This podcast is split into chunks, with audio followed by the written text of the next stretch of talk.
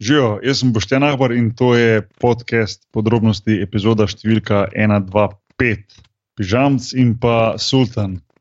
What's up? Uh, Noč snemamo uh, podrobnosti. Malce prej, kot smo nameravali, ker uh, smo dobili neko zunanjo inicijativo in smo uh, preveč sebični, da bi jo izpustili iz rok. Tako, tako. Okay. Če, smo kaj, če smo kaj v tem podkastu, Smo, ne, smo nesebični. ne, smo ažurni. Če, Smo, smo žurni in smo sebični, smo soliramo, ne Ja, podajamo, vsak, ki zgrab žogo, gre sam v prodor, če mu pade noter, super, če ne, pač lejo pa v tla zabiješ, tako kot Harden ta, včeraj. ta, tako je življenje. Je pa res, da A to že- sta videla, ta Ja, posnetek? sem videl, ja, se Lepo si je, lepo si je prebil žogo kepo. Ja. Ja.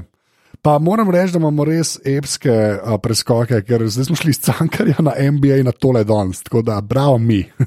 To Ne, mislim, to je, to je nekako postaja v bistvu vrlina tega podcasta, Ja. realno gledano. Mislim, pač vedno znova presenetimo ja. Z norim preskokom. Le kaj bo naslednjič, bi lahko rekel zdaj. ne. To, to je ta razlika, ne, a veš, podrobnosti pa opazovalnica. Opazovalnica je v ničemer, podrobnosti smo vsem. Tako, tako. Evo, in to, tle bom rekel, to, ta podcast je vsem podpri.si. Hvala, najdete nas pa tudi na aparatu Legitimna Facebook skupina na Facebooku in pa AF na podrobnosti počrtaj si na Twitterjih. Odlično. A, Boki, kaj smo zanj delali?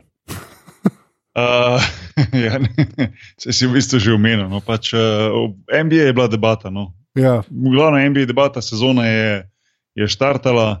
pa ti Uh, si imel na- coming out party kot uh, največji fan Lakersov ever. In trenutno vam ful hudo kaže. Ja, In kar rečem hudo, ne mislim slengovsko hudo, ampak tako res hudo. Ja. Ja, katastrofa. a Ne? Mislim, eh, je, mislim, noro, res. Ja. Ne, um, pač NBA debata, vsi smo dali svoje, nekake, nekak svoje predloge, oziroma svoje videnje, kaj se bo med sezono zgodilo. Zdaj, ja, bo kdo od nas dejansko na koncu zadev, bomo videli. Um, fajn debata je bila. No. Ja. Mislim, da smo se ponovno izkazali za res znalce. Če, Če smo kaj, smo znalci, z velikim Z. Ja. Zato rečem. Kaj bomo pa danes počeli? Uh, danes pa se, se po dobrem letu dni vrača nazaj Boštjan Videmšek kot gost. Uh, debata bo šla, uh, bom rekel, spet orang preskoki iz košarke na naprej, kamor pol. Kamorkoli bo pač šlo, ampak ja, uh, preden smo štartali gumb za snemanje, smo rekli, da skoraj ne moramo verjeti, da je že leto dni mimo, kar smo se na zadnje pogovarjali. Meni se res ni, kot da je bilo ne, ne, ne, na pomlad, pa kaj takega proti poletju. Ful se nič Ne, ne zgodi v life, veš, in pa tako misliš, a ja, to je bilo par mesecev Točno nazaj. to, točno to. Ne, noro, res. Ampak ja, to bo to. Um, a smo še kaj, še kaj, admin, karkoli, ne vem, da je povedal. Vse je bilo, tako da ti rečeš, kar rečeš. Anže, štarti zadevo.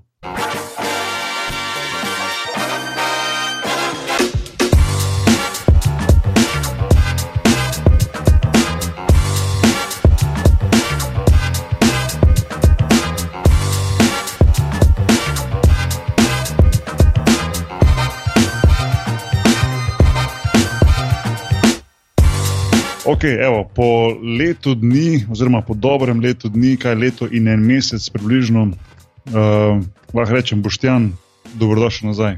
Hvala, Boštjana in že. ne, ne. To je res weird, ker sem res, jaz se ne zavedam, ko sem ta mail poslal, ne, kaj boš ti rekel, hej, da mu posnet, pa je skoro ok. In pa sem pač, vsi trije ste poštjani, vsakeč znova vem, da je to brez veze ponavljati, ampak to je Ampak- weird. Pač, Dajmo se tako zmeniti, pač, lej, pač uh, Boki je Boki, ne, Bošti je Bošti, jaz sem pižama, a že ti si pa danes častni Boštjan. In če kdo reče Boštjan, misli tebe. Nad Boštjan. evo. na, Boštjan.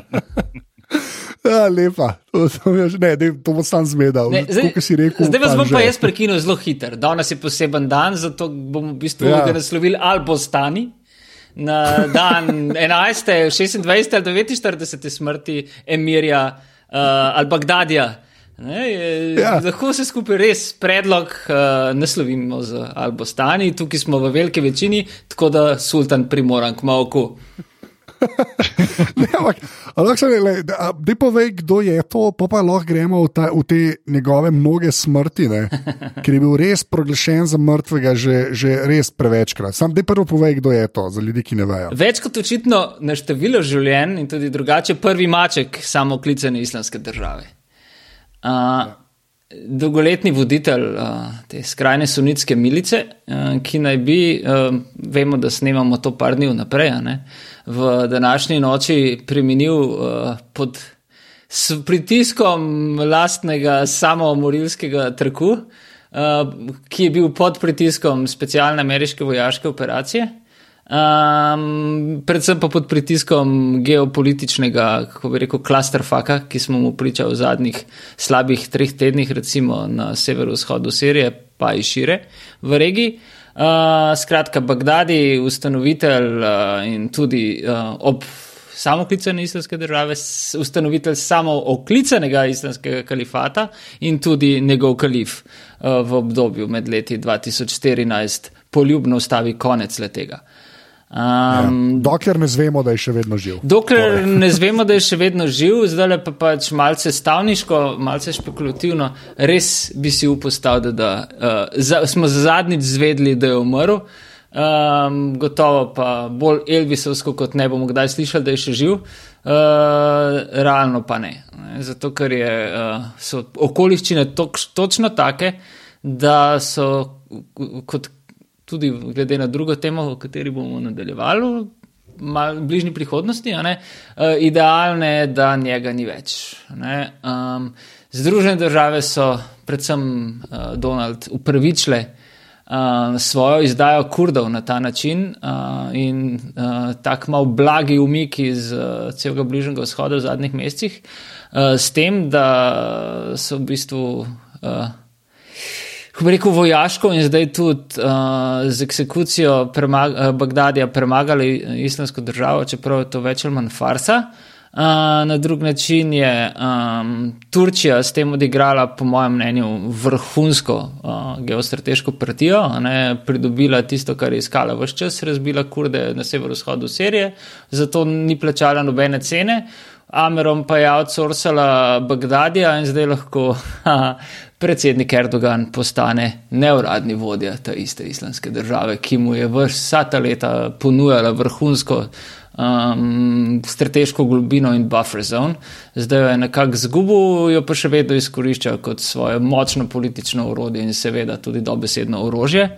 Um, Rusi so s tem pridobili še več, um, glede na to, kje je bil Bagdadi boj da ubit v provinci Idlib, zadnji uporniški postojanki na severozahodu Sirije.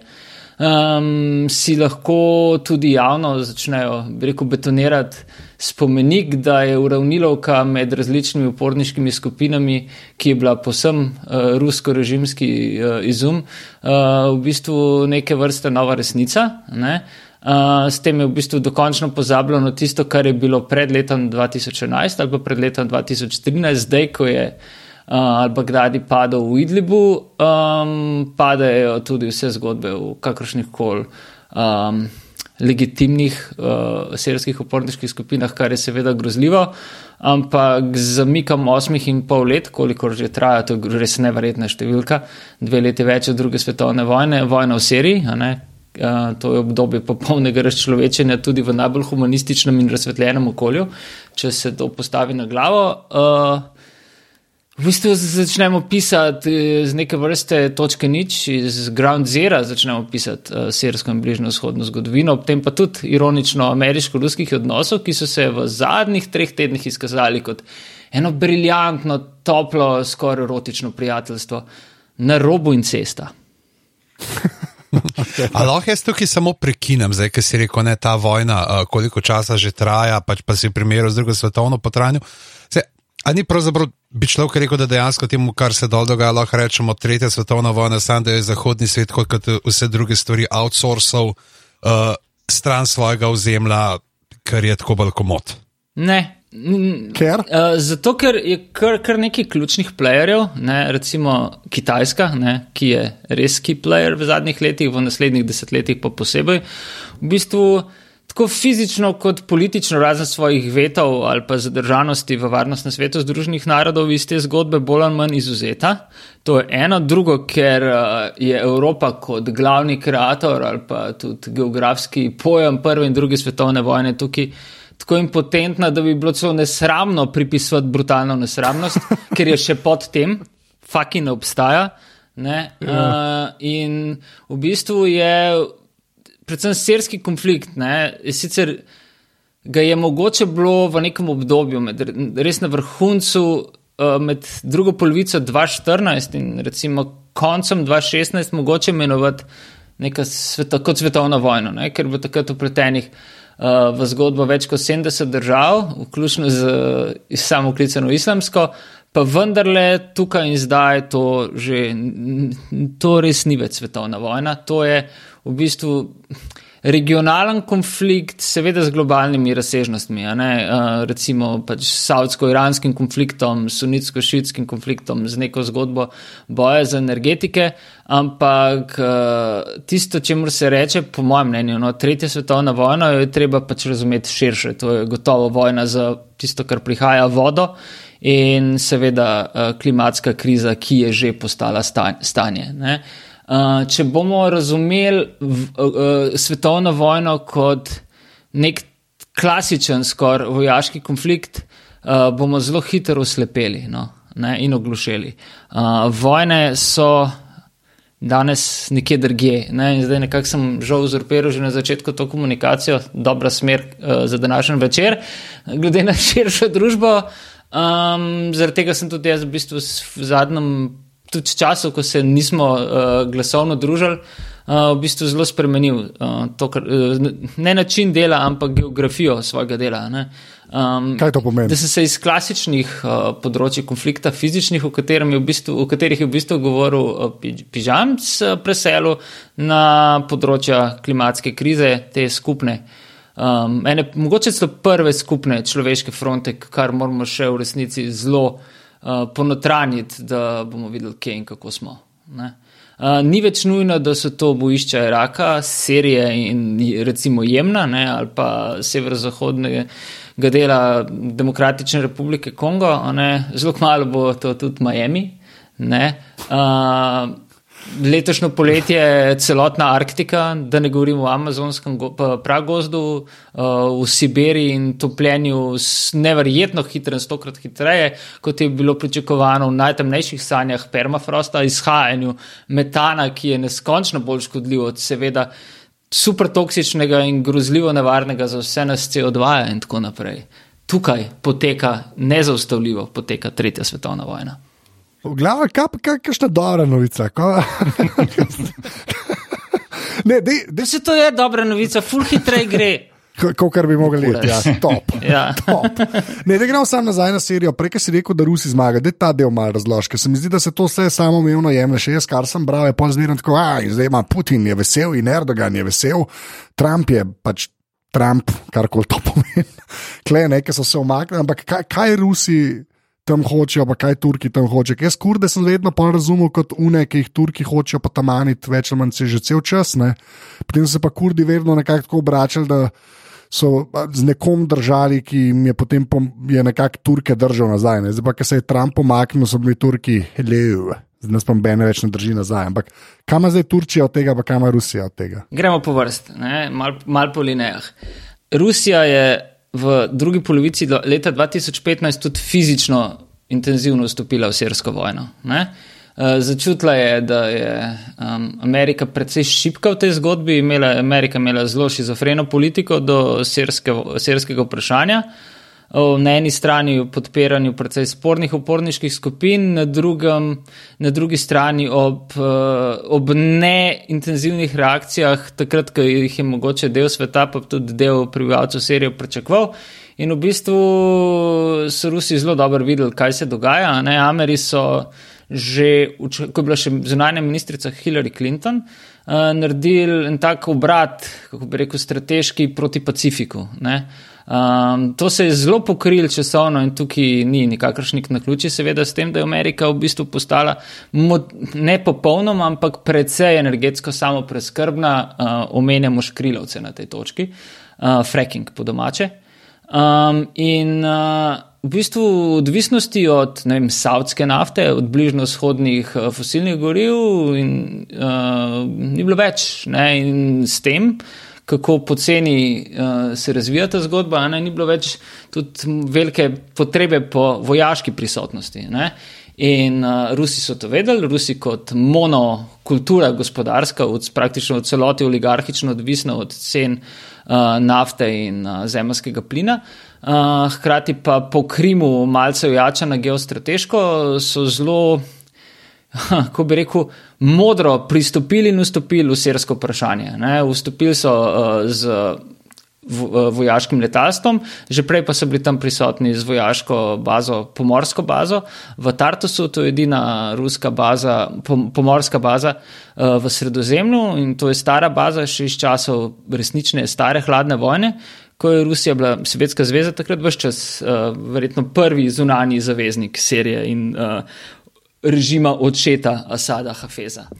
Um, In uh, to je bil čas, ko je bila islamska država, o kateri smo začeli pogovor na svojem vrhuncu, uh, ko se je raztezala čez velik del severnega in srednjega Iraka in prav tako čez soliden del severne in osrednje Sirije, uh, ko je bila v bistvu um, meja med Irakom in Sirijo uh, neobstoječa, ko se je dalo trgovati praktično z vsem, ker je bil to največji duty free, tudi na etični ravni uh, na svetu. In uh, je v bistvu v svetu, v času, ki ga živimo, torej času razpršen, patološko razpršenega um, attention spana, pozornosti in uh, Gnilega pri živem telesu zgodovinskega spomina, ali to sploh obstaja. Um, v bistvu je bilo zelo hitro mogoče reči, da uh, to, kar se dogaja v Siriji, je vojna um, oblasti, vlade ne, um, z, z tujimi silami in z islamsko državo kot vrhovnim zlom. Ne. Islamska država se je kot. To smo se nekoč že pogovarjali, kot vrhunska advertising, oglaševalska agencija, uspela vzpostaviti kot točno to, kot vrhovno zlo, um, tudi s svojimi dejanji, seveda, in v bistvu je vse čas delovala tako, nekaj milijonkrat močneje, kot je v resnici bila. Um, in s tem uspela marsikoga prepričati, marsikoga ji žal tudi ni bilo treba prepričati, da je v bistvu neskončna vojaška sila, s katero ne mogoče obračunati, kljub temu, da bi v, njenem, uh, v njeni prvi fazi, recimo v drugi polovici leta 2013, na začetku 2014, z nekaj helikopterskimi akcijami, bilo mogoče zelo hitro vse skupaj ustaviti, pa to mnogim na čelu z uh, preomenjeno Turčijo ni ustrezalo. Rusija je prišla noter, naredila uravnilo, kako lepa beseda nad vsemi uporniškimi skupinami, z vsemi silami, vojaškimi, finančnimi, kadrovskimi podprla uh, Asadov režim, ki je imel vse čas ob sebi tudi libanonsko, šiitsko gibanje Hezbolah in seveda svojega večnega zaveznika Iran, ki je v serskem vprašanju videl eksistencialno vprašanje in ne mudoma v začetku vojne pristopil uh, v podporo Damasku z vojsko in z vsem. In uh, od trenutka, ko so se začeli vojaški napadi, predvsem na urba, uh, letalski napadi, rusko-režimski na uh, večja urbana naselja, je bilo jasno, da v, v katero smer gre ta vojna, da je uporniška zgodba zgubljena. Uh, Uh, napadi na mesto so še dodatno radikalizirali preostanke uporniških skupin, številni so se pridružili Džebat al-Nusri, preimenovani v Tahrar al-Sham, potem v, v akciji PR marketinga, precej neuspešnega. In ta isti Tahrir al-Sham je uh, očitno, ne, um, seveda je ta skupina bila intenzivno povezana od začetka vojne s Turčijo. Um, v, na nek način celo bolj kot uh, Free Syrian Army, svobodna sirska vojska, um, je v bistvu gostil uh, Al-Baghdadija. Uh, in to, to, to moram reči, da me je malo presenetilo, ne? da je umrl v Idlibu. In to, da je umrl v Idlibu, je kot rečeno največji, največje mogoče darilo Moskvi. Zakaj? Moskva je ostala edina velika sila, seveda Iran je kle druga zgodba v tem trenutku v Siriji. Uh, um, z ameriškim napadom oziroma s Trumpovim omikom čet uh, ameriških enot iz sirsko-turške meje pred uh, tremi tedni, oziroma pred 17 dnevi, tremi tedni. Um, je v bistvu Amerika najprej Rus, eh, Turčiji, um, usporedno pa tudi uh, Rusiji in seveda režimu na široko odprla vrata na kurdska območja. Zakaj? Kurdi so se izkazali na mudoma in to bo mogoče zaprečakovati za vojaško, preprosto prešipke, ker nimajo ne protiletalske obrambe, ne neke težke artilerije in tudi resnih oklepnikov. Ne. Obenem so so pa v dogovoru odkovanih varnih zonah, se, varnih območjih, safe zones, uh, padli na finto, kdo ve, kateri že v zgodovini in so dogovori tako z Združenimi državami kot Turčijo in v zadnji z ruskimi pogajanji pristali na to, da so v tednih pred uh, turš, začetkom turške invazije porušili svoje obrambne instalacije, okope in tako naprej ob meji. Uh, in ko so prišli Turki noter s svojimi podizvajalci iz vrst ostakov različnih serskih uporniških milic, niso imeli resnično nobenega pravega dela. Ne? Kurdi so bili vojaško poraženi naprej. In uh, četrti dan invazije so v bistvu naredili tisto, kar so si Rusi, predvsem pa Damask z Bašarjem uh, al-Assadom na čelu, daleč najbolj želeli. Um, zapel je telefonček in uh, kurdski vojaški voditelji so na pomoč poklicali sirski režim. Sirski režim, vojska se je uh, v prvem delu leta 2012 taktično umaknila, ker je iz kurdskih območij na severu šlo za en tak tihi dogovor. Um, treba pa je vedeti, da so kurdi bili, sirski kurdi bili vse čas sedmorazredni državljani v lastni državi, niso imeli praktično nobenih državljanskih pravic. Ampak hkrati so bili pa tudi vse čas en del ene velike politične igre, uh, predvsem z režimske strani. In uh, so to razumeli kot v bistvu možnost začetka svoje emancipacije, ki se jo potem s projektom Zahodnega Kurdistana, imenovanega Rožava, nekako semidemokratičnega, za ta prostor superdemokratičnega in inicijativnega gibanja, um, vodili praktično do predvčerajšnjem. V trenutku, ko pa so bili primorani in dejansko so bili primorani v to poklicati nazaj režim, pa je ta zgodba postala prav preteklost. Um, režim se je vrnil, to je bil velik, eh, velik, eh, velik plan tudi Rusija, seveda, ki ima svojo uh, sirsko dogmo zelo preprosto, uh, ozemljska integriteta, celovitost države in vrnitev režimskih sil povsod po državi. Isto je seveda, to, popoln, to je samoumevno uh, cilj Bašarja Lasada in Irana in to se je zgodilo. Ne? Oziroma se dogaja in je, kako bi rekel, to je nepovraten proces. Ne? Uh, Ampak zakaj Rusi, zakaj Rusi to hočejo? Kaj, mislim, zakaj, kako, zakaj Rusi tam sploh pomagajo? Se mi mogoče je fulosnovno vprašanje. Jaz res naštekam. Na prvem mestu, za, na, lej, stari, na prvem mestu zato, ker si pes lahko. Zakaj si pes liže kurca? ok, to je odgovor. okay. Mislim, uh, lej, Bog ima dva psa, povej. Ne, ne, to sem že za. Iz prve roke, prosimo. En je, en je, en je fan, den pa punce, tako da pustimo ja, okay, zdaj. Ampak. Uh, Koalicija voljnih. Ne, Ne, hotel sem reči, to bi bil fajn naslov, samo si ne moremo tega prvošiti. Ne, ne moremo zdaj. Um, ne, sorry, nadaljuj, no, dej, kako si hotel povedati. Ok, ja, si pač ja, naprej. Uh, lej, Rusija je po priključitvi Krima uh, leta 2014 in predvsej negativnem odzivu uh, tako imenovane mednarodne skupnosti, ne beri Zahoda do tega. V bistvu in hkrati brez resnih posledic, seveda s finančnimi sankcijami, ugotovila, da je preprosto možno v tem trenutku nekega, neke ameriške zunanje politične uh, razkrojenosti in različnih silnic, ki vladajo tako v Pentagonu kot v Beli hiši, sploh pa v State Departmentu, uh, dobila občutek, da se lahko z vso vehemenco vzpostavi kot nekoč vela sila uh, na zelo neuralgičnem pod, svetovnem področju, kar gotovo bližnjo vzhod je. V Iraku, recimo, to ni bilo več potrebno ne, in tudi nekako tam seveda ni bila prisotna, ampak z vzpostavitvijo Irana kot dejanskega vladarja velikega dela Iraka ne, um, je pač to, bi rekel, skoraj da končana zgodba v korist Rusije. Uh, na drugi strani, um, v Siriji. Uh, je v bistvu šlo tudi malo za nekaj časa, seveda, že potem vse zadnje leto, gotovo ne za nek simbolen, niti ne tako za res fizičen spopad med, seveda, Washingtonom in Moskvo, v katerem je Moskva odigrala veliko bolje. In v bistvu so se američani začeli umikati tudi zato, ker so šparali z resursi po domače, videli so, da praktično ne more kaj zares dosti več narediti. Ne, ne smemo pa pozabiti, da uh, v bistvu neko stanje permanentnega konflikta. Tukaj je treba seveda jasno in glasno tisočkrat zapored omeniti Jemen, Jemen, Jemen, Jemen. Uh, in seveda vedno po robu hodeči savdsko-iranski veliki konflikt.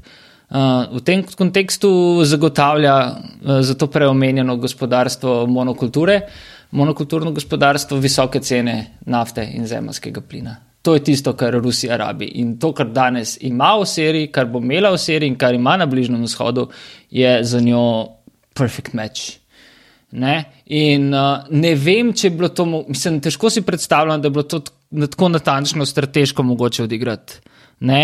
Ampak glede na to, da živim ta svet, da ga gledam od blizu, Um, tudi ne verjamem na ključje. No? Mislim, da je to res velika reč.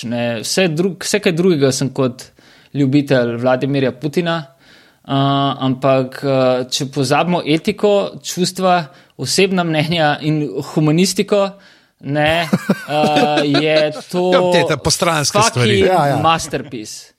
Res. In uh, nema više povratka ja. za Ameriko. To, ja. uh, to, da mora v bistvu, potem, ko je tako gadno spuščila Amerika v Siriji, uh, v bistvu Rusija odstopati kode, mislim, pardon, se upravičujem, lapsus, Turčija odstopati kode. Uh, Trumpu, da se lahko javno hvali z ubojom Al-Baghdadija, je na prvem mestu patetično, na drugem pa politično. Uh, in če se zdaj v tem trenutku naredim krajši preskok v Turčijo, Turčija živi v veliki kurdski paranoji. Seveda, na, na neke trenutke imamo tam, seveda, upravičeno zaradi PKK-ja, zaradi uh, že 35 let trajajoče, včasih vroče, včasih malo manj vroče vojne, zaradi vseeno 20 uh, eh, milijonov kurdov, ki živijo v tej veliki državi, na drugi strani zaradi severnega Iraka, ki je bil tik pred tem, pa potem tudi zelo hitro povoženo pred razglasitvijo neodvisnosti po referendumu v septembra 2017 in seveda pred uh, Rožavo v, Ser, v, v severni Siriji, ko je v trenutku, recimo, ko so kurdi, sirski kurdi, seveda JPG. Je um, prestopili uh, zahodni breg reke Eufrat, ne, po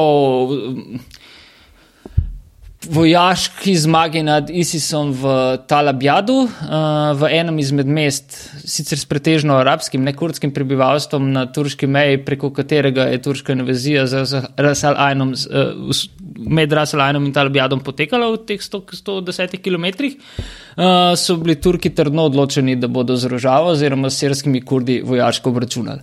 Ne, sirski kurdi se, to sem večkrat zapisal, v pijanosti z Jugoslavijo niso mm, uspeli ustaviti dovolj hitro, ali pa jim je nekdo na robe uklepajo pravilno svetov in so širili svoj, uh, svoj prostor tudi tja, kjer niso bili etnično prevladujoči. Ne, seveda tudi v, v, v kurdski širitvi preko zahodnega brega reke Eufrat je bilo nekaj elementov uh, etničnega čiščenja. Ampak to v nobenem primeru, nikoli nikdar, niti za milijoninko ne umili uh, grozljivosti, nepravičnosti, mednarodne uh, nekredibilnosti uh, turške invazije. Ne?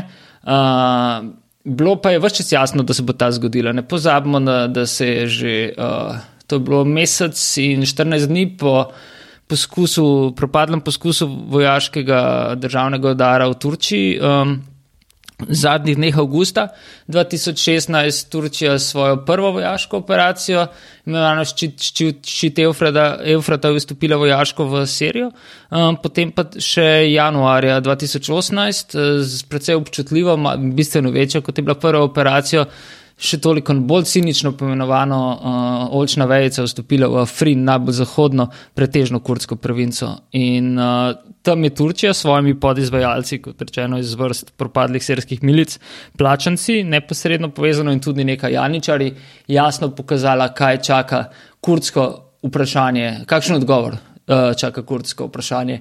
Uh, močno upam, da ga ni mogoče prevesti v Endlezung, ampak stvari kažejo zelo slabo, kljub tej trajajoči prekinitvi ognja, kar je že samo po sebi paradoksalen izraz. ja. Ampak Erdogan je v tem trenutku, verjemite, srečen človek. Uh, skoraj tako srečen kot Vladimir Putin. In ironično, skoraj tako sta srečna kot Donald Trump. Mar ne gre tukaj za res, neko res neverjetno koalicijo, v kateri se tisti, ki se zdijo veliki nasprotniki, ležijo na hrbtu in počnejo tisto, kar kuški počnejo tako radi. Prav, vse dobro, čeprav razumem. Samo Vsi so veseli. Vsi so veseli. razen kurdov, ki so pa big losers. Nepovratno in zavedno. Boš ti eno, eno vprašanje imam. Uh, že, že pred začetkom, ko smo rekli, da traja ta vojna tam dlje kot, dlje kot druga svetovna vojna. Lahko malo mogoče razložiš samo, kako pa ta država znotraj zgleda oziroma funkcionira. Je to razdeljeno po regijah, da, da rečemo, da so mogoče regije, neka, pa nekatera mesta, kjer je življenje, kot to, kar res rečemo, na rekovajih normalno, ali je v bistvu res pač totalen.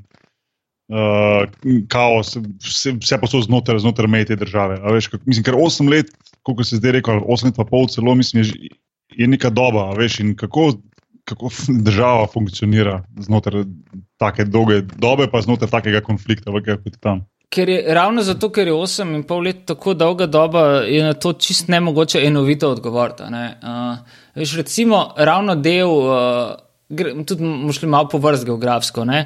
Recimo del, ki je bil, pa na nek način še vedno je, ampak se to seveda hitro tali pod nadzorom srskih kurdov, ne, je bil v bistvu mogoče celo najbolj stabilen del države. Ne, sicer z precej ubogo infrastrukturo, številnimi uničenimi vesmi in tudi mesti, recimo Kobani, zaradi dolgega in precej brutalnega spopada z islamsko državo. Ampak ta del je deloval, ne? odprle so se kar nove univerze, delovale so šole, um, zdravstveni sistemi, številne nevladne organizacije so zelo brez težav, mirno in kvalitetno delovale v tem prostoru, in v bistvu se skupaj res delovalo že skoraj kot neka. Ha, grda, grd izraz je zato, ker je mnenjski para država, no? ampak v bistvu kot neka zelo precej avtonomna um, skoraj samo zadostna skupnost. Ne? Ampak to je bila neka vse čas neka velika iluzija, ker je bilo popolnoma jasno, da v trenutku, ko um, se odmakne ne hrbet, ampak del hrbta izpod te zgodbe, bo ta padla v prepad in temu smo priča danes. Ne?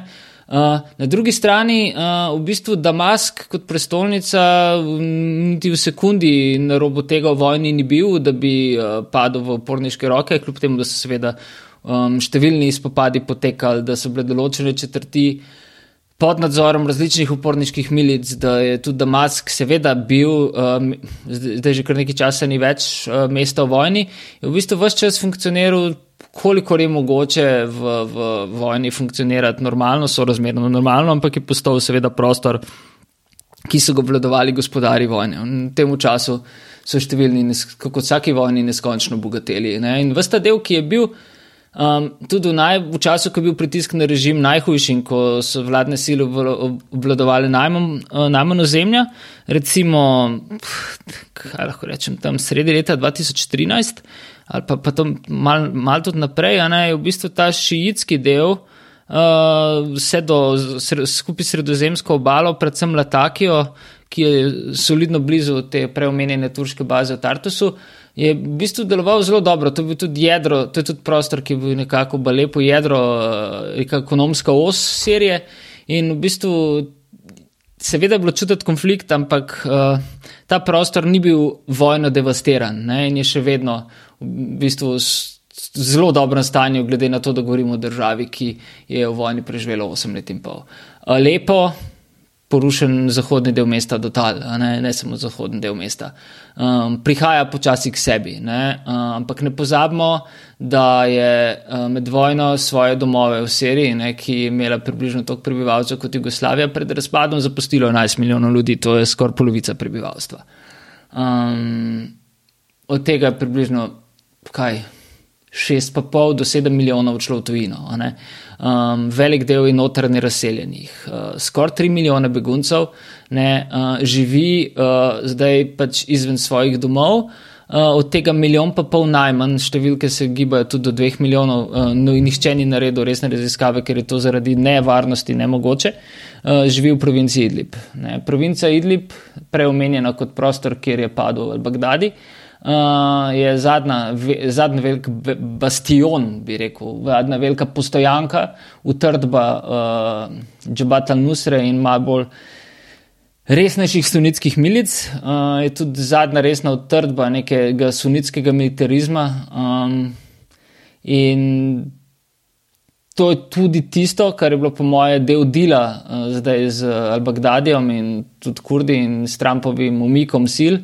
Um, v bistvu zelena luč režimu in Rusiji in iranskim milicam in delno tudi Hezbollahu, da dokončno obračuna z, z, z temi uh, enotami uporniškimi, ki so tam še ostale. Ne gre pa pozabiti, da je to res, kot rečeno, prostor ljudi, ki so bili razseljeni večkrat in so neskončno trpeli, so globoko traumatizirani in tudi ta prostor je v bistvu fizično devastiran. Fizično so devastirana v bistvu vsa velika urbana naselja, razen Damaska, ki so bila. Uh, obstreljevanja, bombardirana, raketirana pod letalskimi napadi, znotraj na tleh, artilerijskih spopadih, leta in leta, Homs, uh, Doma, Dara, mnoga mesta, Hama ne, na nek način, ki je tudi še vprašljiva in preomenjeni Idlib. Um, en del, recimo, vem, imamo tukaj zgodbo Palmere in uničenja ne vem, neke antične dediščine. Um, velik del te neke jugovzhodne, pa srednje serije, pa bolj ali manj poseljen, puščavski. Ne? In tukaj je še zelo nedavno potekel pro, uh, nek tak notrni boj za nadzor, in so bili neki, kot se jim temu reče, small pockets of resistance islamske, islamske države in tako naprej. Ampak vse v svemu, v tem trenutku. Režim obvladuje med 60 in 65 odstotkov države, uh, vključujoč vsa ključna urbana središča. Idlib ni eno izmed njih. Uh, Alepo, Homs in seveda uh, Damask. Ne? Kdor nujno letakija kot okno v sredozemlje. Ne? In tukaj je na nek način vojna končana, jasno je, režim je preživel. Politično, vojaško vprašanje je ekonomsko, ampak vendarle ima tako močne zunanje sponzore, da se bo uspel tudi pridati k sebi. Ne? Um, vprašanje pa je, komu bo, in hkrati se tudi ponuja že odgovor, outsourcana obnova države. Uh, to bodo seveda obnavljali zmagovalci, oziroma tisti, ki so omogočili Bašarju, da ostane uh, na čelu države. Um, in seveda se bo, kot vedno, uh, obnavljalo mesta, in to bo, po mojem, v roku dveh do treh let, uh, precej sijalo, ne? zato bo tako krasna potem kinova vas. Z, za, tenko, lepo prebarvano steno s svežim steklom in neonom zadaj bo pa tako gigantska, grda, globoko traumatizirana, neozdravljiva friclova klet zla.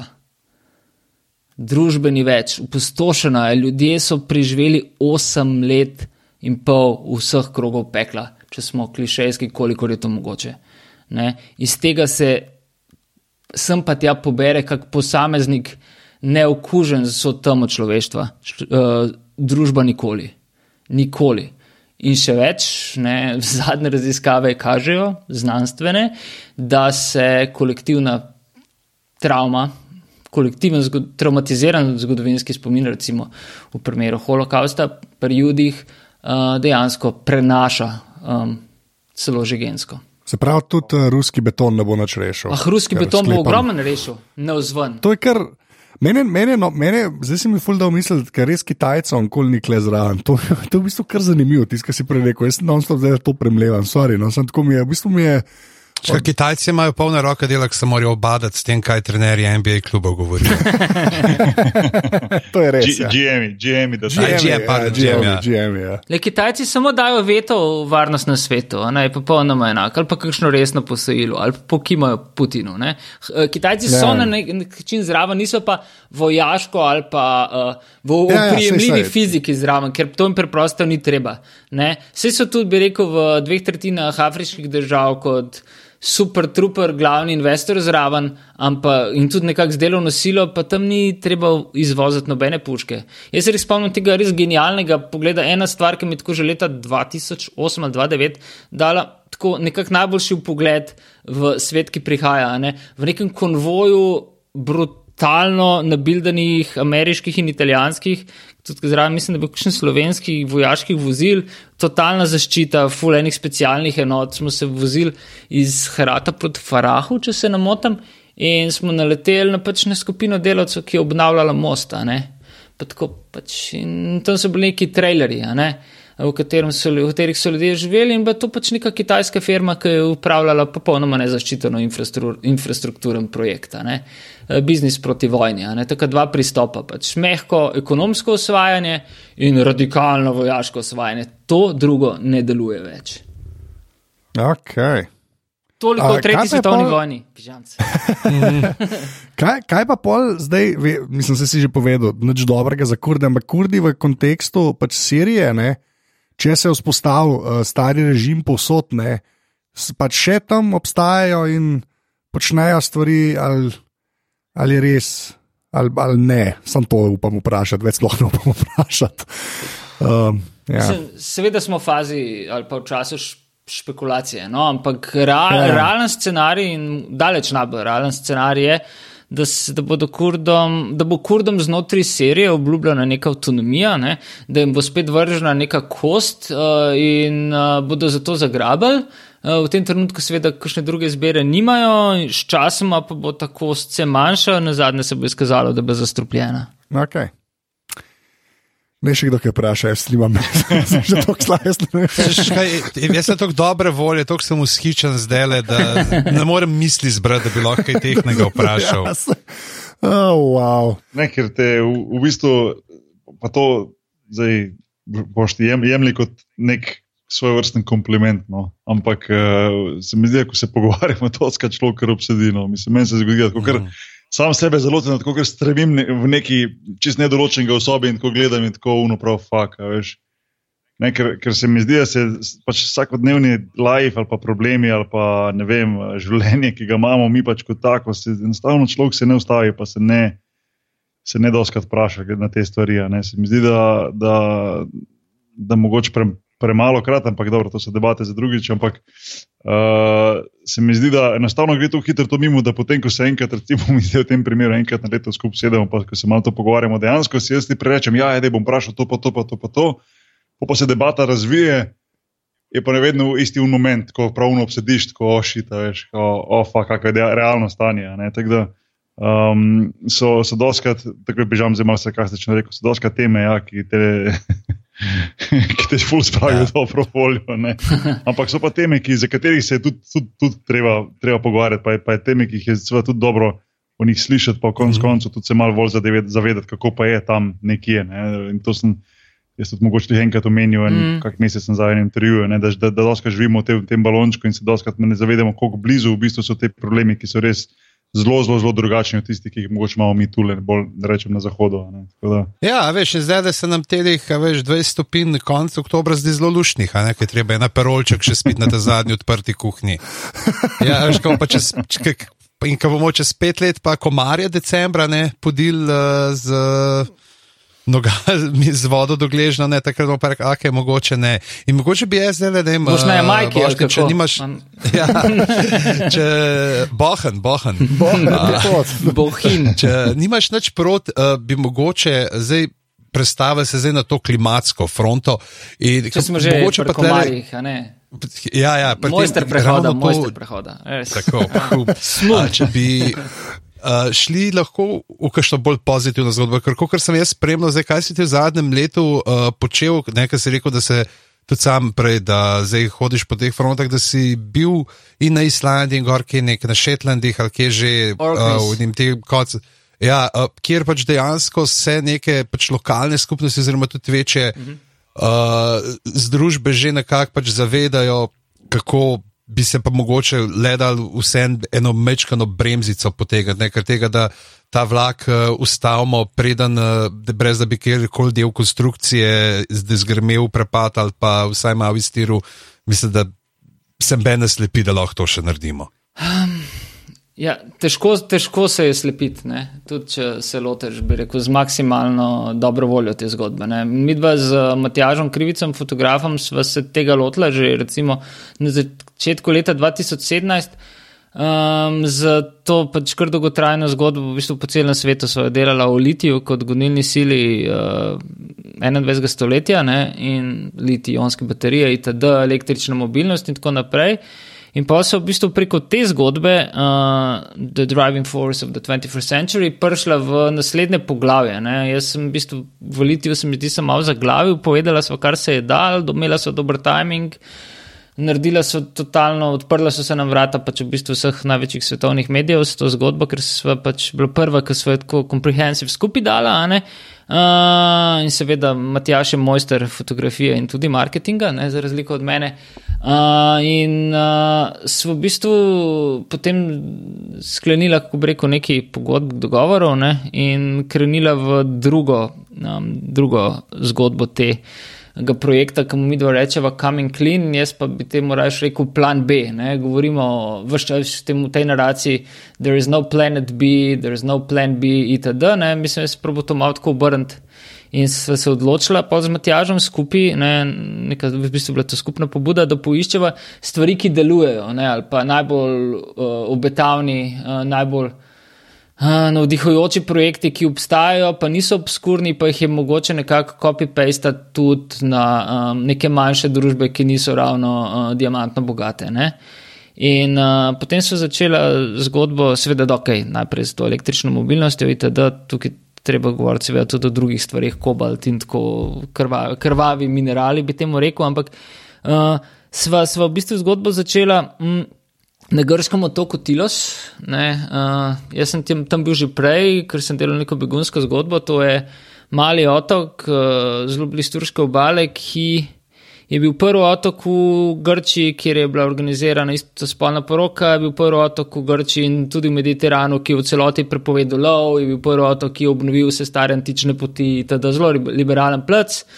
In ta otok se je odločil um, parjavati na nek Eh, evropski projekt Horizon 2020 se imenuje, ki financira pač uh, obetavne okoljske projekte. Odločili so se na otoku ljudje, na čelu z županjo Marijo Kamo, da bo to prvi samo preskrben, energetsko samo preskrben, samo skrben, samo na obnovljive vere, energetske otok v, v Evropi. Ne? In je to tudi postal v letošnji pomladi s, z solarnim, solarnimi paneli in vetrnicami. In so v bistvu rekla, ok, imamo otok, primer, ne? zdaj pa poiščemo primer države. Ne? Smo našli državo, ki je v bistvu na poti, seveda ne še tam, ampak na zelo dobri poti v.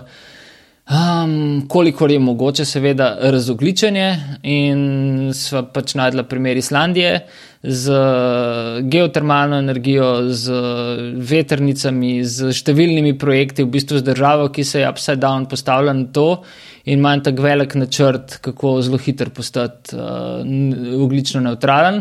Ob tem pa ima tudi zaradi svoje vulkanske osnove. Um, ne samo geotermalno uh, bogatstvo za sabo, ne, ampak uh, s katerega dobi praktično svojo energijo ob, ob, hid, uh, ob vodnih verjih, uh, ima možnost uh, tudi shranjevanja uh, oglikoga dioksida uh, v bazaltne kamenine. Um, ki so seveda vulkanskega izvora. In uh, le te uh, so idealne za to. In um, Islandija se je povezala z, oziroma bolj je bilo obratno, um, s švicarskim podjetjem uh, Climeworks, uh, tudi to podjetje smo obiskali, tam radila štorijo.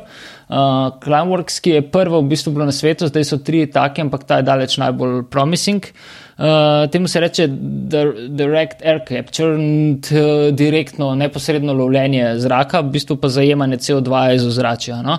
In oni so bili startup, uh, zagonsko podjetje, ki se je zdaj fino razraslo, veš, dobivali so tudi 50 milijonske investicije.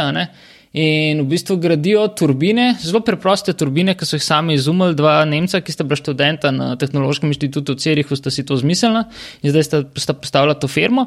Eh, zajemajo CO2 direkt iz lufta, ga shranjujejo v, v tekočinjenem in v plinskem stanju, ga prodajo vem, firmam, ki imajo tople grede v kmetijstvu, firmam, ki delajo uh, pijače z mehurčki, ga v bistvu furajo v proizvodnjo letalskega goriva, recimo na letališču v Rotterdamu, ki bo kmalo uporabljalo samo biogorivo. Ne? za proizvodno, bi, uh, za proizvodno sintetičnega metana in tako naprej. Po drugi strani imajo pa možnost že, da to ni več piloten projekt, da CO2 shranjujejo v te preomenjene bazaltne kamenine na Islandiji. To je sicer energetsko zelo potraten proces in je usmišljen lahko in v njemu govorimo res kot okoljsko ozaveščenem projektu ali pa smiselnem le, če ga seveda poganja renewables. In ja, renewables z geotermalno energijo, blazno poceni in v bistvu brez, brez CO2 emisij, uh, v bistvu s pomočjo, s pomočjo te, te energije uh, se v tekočini CO2 um, utekočinjen CO2 spravlja v globoko, tudi do 3 km, od km do 3 km v skalovje in se ga tam varno hrani. Ne. Zelo podobno zgodbo. Uh, carbon capture and storage se temu reče, zajemanje in shranjevanje oglikovega dioksida so naredila tudi na Norveškem, uh, kjer se je zopet za vse skupaj postavila država. Ja, bogata ste zaradi izključno več ali manj samo naftnega bogatstva, ampak tudi kakšne druge bi bile, lahko pa jim to ni uspelo. Ne. Eh, nasprotno so v popolnem kaosu. Res pa je, da so bili uh, Norvežani pod Dansko, ne pod uh, britansko okupacijo, haha, oziroma kolonizacijo, ne, uh, pa to mogoče bilo malo lažje. Uh, in um, pa ne govorim, da so imeli prej nafto, tu pač ne, vzamem nazaj to bedarijo. Um, In uh, Norvežani so se pač odločili, ne glede na to, recimo, da so marca letos je uh, bilo prodanih v Oslu, 70, vseh, vseh prodanih avtov je bilo 70 odstotkov že električnih. Uh, lani oktobra je bilo pa prvič, da je bilo več kot 50 odstotkov avtov all over uh, norveške prodanih električnih. In recimo do konca letošnjega leta, ja, do konca 2019, ne bo več placa za benzinske in dizelske avtomobile v Oslu. Recimo, tudi z številnimi inicijativami, državnimi, vladnimi, lokalnimi in, in tako naprej. In stvari laufajo, ker si to seveda prvoščijo, ampak so se nekako tudi politično poenotili in praktično ni nobenega nasprotovanja temu, da je treba to smeriti. In imajo pač zdaj dva Carbon Capture and Storage velika projekta, en je na sežigalnici. Uh, mestni, največji mestni sežigalnici pri Oslu, drug pa provincija Telemark, uh, na največji ali pa drugi največji cementarni na Norveškem. In te dva projekta bosta marca 2019, 2020 najverjetneje v norveškem parlamentu dobila podporo za polno financiranje. In ta zajet CO2 iz industrijskih obratov, ne, tukaj je res velika prihodnost, zato se zanima že več kot 400 velikih evropskih in ameriških podjetij, ne, uh, da bi imeli podoben, podoben, mislim, ne podoben, ta isti patent, uh, se potem z hidrogenskimi, vodikovimi ali pa električnimi tovornjaki, uh, da je cel proces, recimo temu zelen, pripelje do pristanišč in potem z vodikovimi ali pa električnimi ladjami, ne, o, da tudi to že obstaja, pripelje do, um, pripelje do starih naftnih ploščadi ali pa do, um, do, do, do mest, iz katerih so recimo Bergna in um, Stavangerja, odkot uh, vodijo številni naftovodi, plinovodi do, na odprto morje, na severno morje. In kjer so pač naft, vrtalne naftne in plinske ploščadi. In uh, tam, kjer so ponovadi zapuščene, ne, veliko je teh geoloških jam, zapuščenih pod morjem, tudi 3-4-5 km globoko. In to je prostor, kamor gre, kako bi rekel, CO2 umret. Vrne se tja, kamor je prišel. Tisto, kar smo skurali, poslali v nebo, in tam potegnemo nazaj in potem zakopljemo nazaj globoko pod zemljo, pod morje. In to je super promising. Te stvari, da, te stvari zvenijo totalno naivno, na prvo žogo, bullshit. Ampak, ko se ja. pogobiš, ne, ne, se strinjam, tudi okay, meni, ne, ja. smo že to živo preveriti. In zdaj ja, zbiram ja, okay. po celem svetu te štorije na kup, pa ne, pač eh, z kupom znanstvenikov, ki mi delajo fact-checking in to je nov projekt in tudi nova knjiga. No, in se povezal tudi številnimi ljudmi v ZDA in tudi kje druge, ki pač mi pri tem pomagajo. Vsi sem seveda handikepiran družboslovec ne, in v tovrstnih tehnološko-nervoslovnih temah sem zelo ubog, ne, kar so uspeli ravno kar poslušalci in poslušalke prepoznati. Jej. Okay, Pač en kup takih zgodb, pa orkni, no, morska energija, uh, tidal, no, plimovanje in valovanje, to je pa zadnja štorija, ki smo jo delali, to je pa super lepo uh, in tudi izjemno, obetajoče in že deluje. Tako pač sem potrebuje velike investicije, pa razvija se približno tako počasi kot letalstvo. Uh, upam, da bo v mobilni telefoni uh, malo tako malo to premaknjeno. Kaj se reče, ali to ali pa pač doktor Manhattan, ne, da bo umetno stvar uliti? Ja. Obstaja firma v Nemčiji, ki to dela.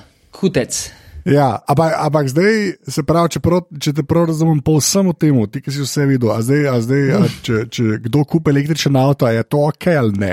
E, točno to sem hotel vprašati. To je ful dobro vprašanje. ne. Uh, če ga kupaš tle, pa se, voz, se voziš na T6. Okay. Če ga kupaš uh, v, Ja. ja. v uh, Kirkwellu na, na Orkneyjih, se voziš na veter. Ne? Če ga, je to kul. Cool. Če ga kupaš uh, recimo v Bergnu, ne, se voziš na um, koliko, osem- 98 postov vse norveške energije je um, hidro, ne? se voziš pač na vodno energijo. Ne? Če ga kupaš, ne vem, recimo v Šijanu na kitajskem, ne? se avto pobere od uh, črnega, ne? je črno tisto, ki poganja zeleno. Ne? Um, to je meni, če se klep postavimo v vlogo uh, nekoga, ki pa seveda razmišljamo doma o tem, uh, kupiti električen avto ali ne, ja, v trenutku, ko bo uh, gnan na uh, obnovljive vere energije. Drugače se mi to zdi kar precejšna kognitivna disonanca. No? Če smo možda nisem nikoli na tak način to pomislil. Ne? Veš, ker v bistvu ti greš do tega, ko pač rečeš, ok, električni avto in elektrika in to pač ni zdaj, ni zdaj dizel, ni benzin, uh, pač ne osnažuje in ok, tu pol nehaš razmišljati. Ne? Nisem šel pa nikoli tako daleč, da bi rekel, a ja, zdaj pa dejansko treba v bistvu, imaš dober point, ne razmisliti, kje pa dobiš to elektriko ven ne? in v bistvu, kjer je državi si ali pa kjerem delu sveta, da potem ima res to smisel. Ne? Ker če ne, ti indirektno podpiraš vseeno določene stvari, ki pa niso najbolj za okolje. Mislim- nisem nikoli razmišljal na tak način. No. Vsekakor je je to kot a- a tisto. tem- a ne. v- v- Se to hočem reči, v tem je verjetno popriješ tega, da, da iščeš pač, kaj je manj, uh, ajde, da ne najdem boljše besede, kaj je manj zlobno. Veš, kaj mislim, pač, kaj Tako, je manjše, manjše, odločiš se za zlo, manjše zlo, zelo Ja. ja. simpel. ne. To, Ja. ja. to je tudi nekako Ja, ja. ja. osnovna. Vse zdaj, zdaj dobimo še eno nuklearko, tako da rešen. Čez deset let v najboljšem primeru, to je Ja, vem, vem. ne, vem, vem. slaba šala. Ne. vem. ah, ja. Sedemo tako reči, čez deset let bo ta četrt aneks podpisan za gradno. Nasipal v Piranu. Ja. Ja. Čez deset let bo, bo, bo nekdo nekje stal z eno lopato in bojo tiste temeljni kamen. To bo. pol, In pa bojo rekli, kako pa napreduje gradna. Uh, Tele ne, jedrske elektrarne pa bo en rekel, not great, not terrible. Te. Ja, ta Černobil joke, to, mislim, Ja. ja. to, če Ta je ta serija Ta- kaj dala, nam je dala ta joke. Ne. To Ta je jok je pa vrhunski, je pa uporaben vsak dan. Dejansko. Čisto Pri v vsemu. Ja. Vse posod. Ni bilo včasih bil ta joke iz free sama o pici in o seksu, a veš? Tako čist isti. Ne? Tako mm. pač uh, s pico je kot s seksom, ne? pač vedno je ok. a Ne? Pač ne, nek je. Nekje je, ja, ne? tako se mi zdi. tudi če je slab, je še zmer dober. Tako ja, ne. Ja. Ja, lepa. Uh, sej, uh, ima kdo še kaj, drugače mislim, da smo kar do konca prišli z neko tako, ne bom rekel, ful optimistično, ne, ampak na pol. Lej, končali smo ne. z not great, not terrible, ker mislim, da je glede na debato super. Ja. Več se Je pa da. mogoče malo preveč optimistično za opis trenutnega stanja Lakersov na lestvici. To je pa dejstvo. To je se pa mogo zdaj. A to boš zdaj celo sezono Ja, prco. ja. Itak, Koliko itak. imajo sploh skor? Ena, ena, koliko imajo? Dva, ena, ena, dva. kaj? Ena, dva. Ena, dva. Ena, dva. Ja. Alarm, alarm. Ja, alarm. to. Hej, boš ti, da še ti uh, povej, imaš kakšnega favorita letos pri basketu?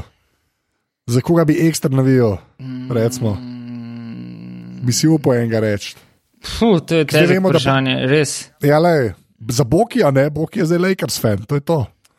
Da. Nočem zdaj reči na glas nečesa, no, ravno v sled. Uh, pa že ta teden jih je slišal od nekoga nenormalnega, tako da ne. Iz res igrane empatije bom molčal. Ok, zmeden.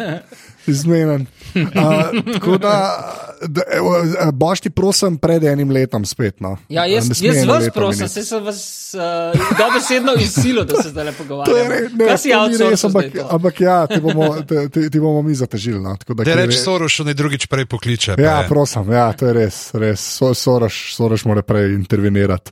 Uh, tako da, Par uh, boš ti, pa uh, boš ti povej, kje, kje se te najde na internetu, pa kaj, kaj počneš.